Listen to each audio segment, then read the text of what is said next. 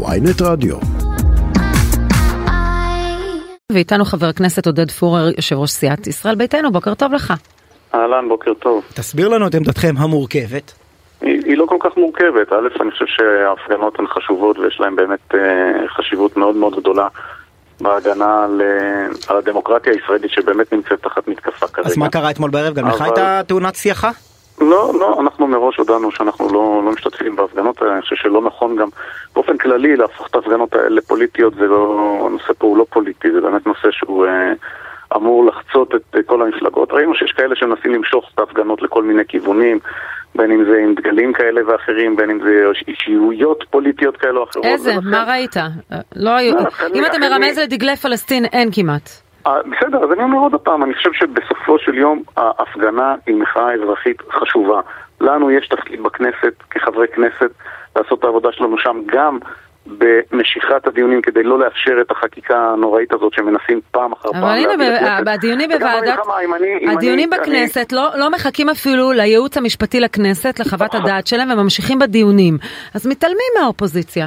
א', יכולים לנסות להתעלם, אנחנו כאופוזיציה גם יכולים למשוך זמן, ואנחנו עושים את זה, אני חייב לומר, בהצלחה יתרה בשבועות האחרונים, עשינו את זה עוד לפני הקמת הממשלה, אנחנו עושים את זה גם אחרי הקמת הממשלה.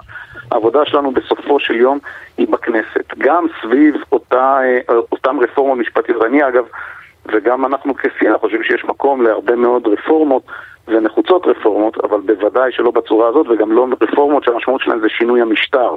כי כשאתה מייצר רפורמה שבה הממשלה גם שולטת ברשות המחוקקת וגם שולטת ברשות השופטת, המשמעות היא אה, משטר אחר מהמשטר הדמוקרטי שאנחנו מכירים היום. אבל אתה יודע, המפלגה שלכם, ובעיקר יושב ראש המפלגה אביגדור ליברמן, היו לו כמה התבטאויות על המערכת המשפטית בעבר שיכולות לעמוד בקנה אחד עם יריב לוין וימינה מכך. יש לי הרבה מאוד ביקורת על המערכת המשפטית, זה בכלל לא סותר. אני חושב שאתה יכול אה, אה, לבקר את המערכת המשפטית ואתה יכול לחשוב גם שצריך לעשות שם שינויים, אבל להגיד, אני רוצה לשלוט בכל המערכות, זה כבר לא שינויים ורפורמות במערכת המשפטית, אלא זה שינוי משטרי. גם אנחנו, כשהיינו בממשלה הקודמת, התחלנו להוביל רפורמות משפטיות, אגב, חלקם אפילו מעוגנות בהסכמים הקואליציוניים, אבל מתוך תפיסת עולם שעדיין יש במדינת ישראל הפרדת רשויות. אבל כשמגיע יריב לוין, שר המשפטים, ומניח הצעת חוק שאומרת, הממשלה, שאגב במדינת ישראל שולטת בכנסת, צריך להבין, במדינת ישראל אין באמת הפרדה בין הרשות המבצעת לרשות המחוקקת. הוא אומר, היא לא רק תשלוט בכנסת, היא מעתה ואילך תשלוט גם ברשות השופטת. מדינה שבה הרשות המבצעת, ראש הרשות המבצעת, שולט גם ברשות המחוקקת וגם ברשות השופטת, היא לא מדינה דמוקרטית, זאת המשמעות, ולכן אין בכלל מה לדבר על הרפורמות המשפטיות האלה. על איזה- כנ"ל גם על איזה חלק- על איזה חלק. אתה מסתייג ואיזה חלק אתה אה, אה, מקבל? כמעט בכל חלק יש לי הסתייגויות, תראה, גם פסיקת התגברות. פסקת ההתגברות הרי שרוצים בממשלה הזאת להעביר, היא לא באמת פסקת התגברות כדי לייצר פה מערכת טובה יותר ומאוזנת יותר. הם בסך הכל רוצים לפתור את הבעיה של חוק הגיוס לחרדים, הרי מזה זה התחיל, ועכשיו גם לפתור את הבעיה של מינוי אריה דרעי לשר, שזה השלב השני של, ה, של האירוע. בסופו של יום, כשאתה מסתכל על עתידה של מדינת ישראל, אתה מבין שהפטנט הזה של חוקי יסוד פקע. חייבים לעבור לפטנט אחר, בעצם לחזור למה שהיינו צריכים לעשות לכתחילה, וזה חקיקת חוקה, שתהיה מאוזנת, כי הפכו את חוקי היסוד למשהו שהוא אה, משתנה לפי הצרכים האישיים אני של כל אחד מדמיינת ואחד. כמה להשיג הסכמה את לגבי יודעת, חוקה. אני מסתכל כן. פה על, על אה, אה, הזמנה להשקה של ספר בשם מדינה, מדינה בשלטון בג"ץ, של תנועת אם תרצו, לא פחות ולא יותר, לפני ארבע שנים. מי כיבד את נוכחותו? אה, בהזמנה, חבר אני- הכנסת עודד פורר, ישראל ביתנו. נכון, גם- אתה פעם חשבת שהמדינה בשלטון בג"ץ ושצריך להחזיר את השלטון לפוליטיקאים ולנבחרי הציבור. למה לא- הפכת את לא- עורך? לא, לא לפוליטיקאים ולנבחרי הציבור. השלטון צריך להיות בידי העם ובידי הציבור, לא בידי הפוליטיקאים.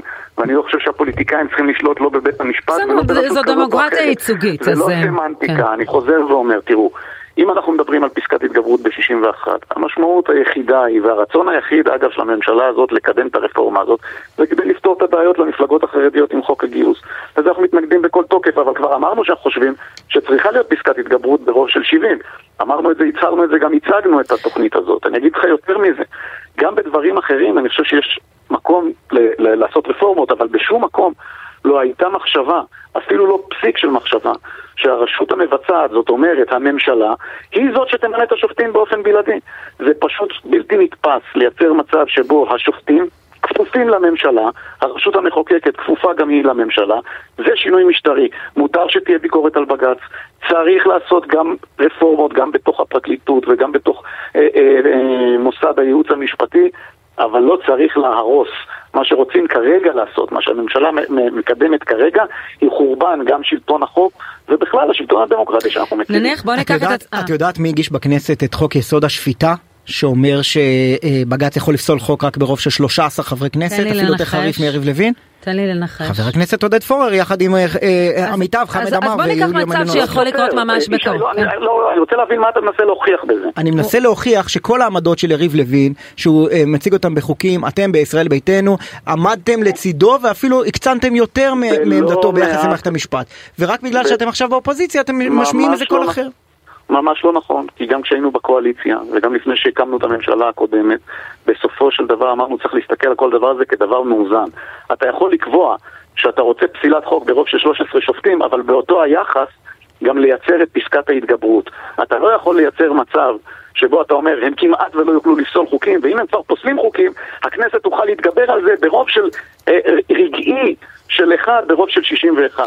בוא ניקח מצב... כשעברה פסקת התגברות ברוב של 61 בתקופת איילת שקד ב-2018, לא שמענו את שרי אה, ישראל ביתנו יוצאים החוצה מהישיבה, אה, אה, החוק עבר פה אחד בוועדת שרים לחקיקה. לא שמעתי אף שר של ישראל ביתנו יוצא החוצה, הולך לתקשורת, אומר שיש פה סכנה לדמוקרטיה. אגב, גם גדעון סער, כולם תמכו בזה. אי אפשר לקחת בכל פעם סעיף אחד, להגיד תמכת בסעיף האחד, תמכת בכל הרפורמה. אדרבה, אני מראה לך שתמכת בכל אחד מהסעיפים. ישי, כשאתה מסתכל על כל מערכת המשפט, אתה חייב לראות איך אתה מייצר את האיזונים והבלמים. אם היית אומר לי עכשיו, כל הסיפור הוא חוק אחד, חוק אחד אפשר לדון עליו. אבל אתה לא מדבר על חוק אחד. אתה מדבר על זה שגם תהיה פסילה ב-61, אתה מדבר על זה שגם תהיה שליטה מלאה לממשלה בוועדה למינוי שופטים, אתה מדבר על זה שגם ידרסו את כל מוסד הייעוץ המשפטי, שאגב, אני חושב שהוא זקוק לרפורמה. בחלק מהדברים שצריך לעשות שם אפשר להגיע וצריך ונכון לעשות את השינויים, אבל אי אפשר לייצר כל פעם את כל השינויים, הפעם, בבת אחת, שהמשמעות שלהם היא שינוי משטר, מבלי אפילו לקיים את המינימום, את המינימום של הנדרש של הפרדת רשויות במדינת ישראל. ולכן ברור לחלוטין שכל הרפורמה הזאת היא לא באמת רפורמה. מה שאנחנו רואים כאן זה בסך הכל ניסיון של הממשלה הזאת לייצר פתרונות לבעיות המשפטיות גם של ראש הממשלה, גם של מי שעדיין, שזה מדהים בעיניי, שר הפנים, למרות פסיקת בג"ץ בשבוע שעבר. עוד שעתיים לפטר אותו. כן. אני כבר... באמת מקווה שזה יקרה, אבל תראה את האבסורד, תראה למה הרגילו אתכם, אתם דנים היום, הוא יפטר אותו, אתם חושבים שהוא יפטר אותו. ביום רביעי פסק בג"ץ, אני פשוט לא מבין את ה... את ה אה, אה, הנכונות הזאת לדרוס את כל מערכת שלטון החוק ולהגיד, הממשלה, שרי הממשלה, ראש הממשלה, מעל החוק. זה מה שהם מתחילים להרגיל את האזרחים. אה, לא נכון, הוא היה צריך למצוא פתרון למה יקרה עם התיקים, משום שהוא לא יכול להחזיק בהם, אני מניחה שבזה דנו. אה, אני רוצה לשאול אותך לגבי הצעת החוק שלך. רק תראי, אנחנו נמצאים במצב אבסורדי, שראש הממשלה לא יכול להחזיק בתיקים, כי הוא בעצמו... עם כתבי אישום מאוד מאוד חמורים עומד בפני בית המשפט. לכן כל המערכת, ואני חוזר ואומר, כולה מגויסת למען הפתרונות המשפטיים. ראינו את זה לפני הקמת הממשלה, הרי הממשלה התעכבה בהקמתה חודשיים כמעט. למה? כי הם היו צריכים לפתור את הבעיות המשפטיות האישיות שלהם. וגם עכשיו תעסוק הכנסת ישראל אך ורק בבעיות האישיות של אריה דרעי כדי להכשיר את השרץ שיוכל לשבת בשולחן הממשלה בניגוד למה שרוצה גם אני חושב הציבור וגם בסופו של יום אה, אה, המחוקקים עד עכשיו. הצעת החוק שלך לשלילת אזרחות של פעיל טרור עברה בקריאה הטרומית, שיתפתם פעולה כן קואליציה ואופוזיציה. הסיפור הזה יכול ליפול גם משפטית, כלומר אתה אומר הנה כאן הריבון רוצה להעביר חוק, אבל אם האזרחים הללו אין להם אזרחות חלופית, כמו במקרה של אזרח צרפת, יכול להיות שאתה לא יכול לשלול את האזרחות היחידה של אדם. הוא לא יכול להיות ללא מעמד. קודם כל, אני חושב שאפשר לייצר פה את המנגנון הנכון שייתן את הפתרון הזה, ואנחנו גם עשינו אותו בהצעת החוק. הרי על מה מדברת הצעת החוק? הצעת החוק מדברת על כך שבא אזרח ישראלי, ובא בעת אחרי שהוא מבצע פיגוע חמור, פיגוע טרור כנגד אזרחי ישראל, הוא ממשיך ומקבל שכר ממי? מהרשות הפלסטינית. לכן יש פה מצב שהוא ממש שקול אה, לבגידה, ובעצם שלל לעצמו את האזרחות, ומכאן אני חושב שיש לנו את כל הסמכויות לעשות את זה. גם כאן אני חושב ומצפה שהצעת החוק הזאת תעבור ברוב של למעלה מ-70, אגב, אם אנחנו סיעת ישראל ביתנו הצטרפו לאצבעות הקואליציה, אגב אני רוצה לראות את הקואליציה גם מאשרת לנו את הצעת החוק הזאת עד הסוף, כן?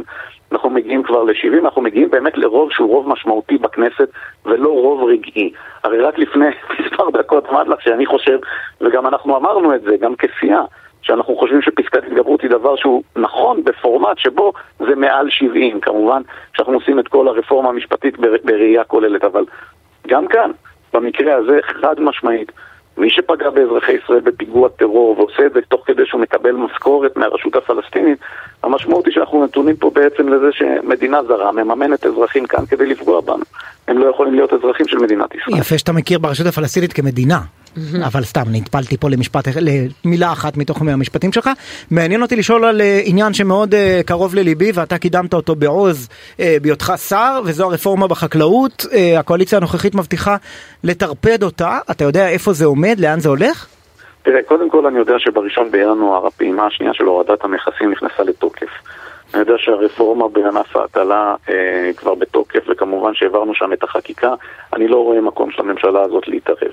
למרות שזה מופיע בהסכמים הקואליציוניים, בקווי היסוד של הממשלה. אה, כן, בקווי היסוד של הממשלה רשומים הרבה מאוד דברים. קווי היסוד של הממשלה, אני יכול להגיד לך אותם. גם כתוב שם שסמוטריץ' פוקד על המתפ"ש. כן, קווי היסוד של הממשלה משמעותם חילוצם מהתסבוכת המשפטית של בנימין נתניהו ואריה דרעי. זה קווי יסוד של הממשלה, והקו יסוד השני הוא פתרון לחרדים לבעיית הגיוס כדי שאנחנו נתגייס והם לא.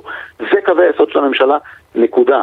עכשיו לגבי, אה, לגבי, ה, אה, לגבי היכולת של הממשלה הזאת להעביר את הדברים האלה, אני באמת חושב ש, אה, שבפורמט הזה זה כמעט בלתי אפשרי. כמעט בלתי אפשרי מה? לטרפד את הרפורמה? לא. או להעביר את החלקים שנשארו. כמעט אפשרי לטרפד את הרפורמה. בעניין הרפורמה צריך בעצם שר החקלאות לעשות דבר אחד מאוד מאוד פשוט.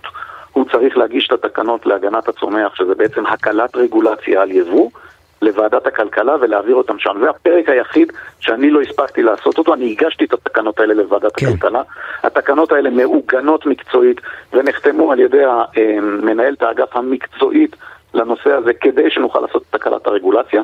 אני מציע שתעלה את אה, שר החקלאות אבי דיכטר, האם הוא רוצה לסגור את היבוא למדינת ישראל, האם הוא רוצה לחסום אותו, לפתוח אותו, כרגע זה מונח לפתחו. אבל לא המשמעות היא להסתכסך עם קבוצות מאורגנות של חקלאים שהצביעו נגדך.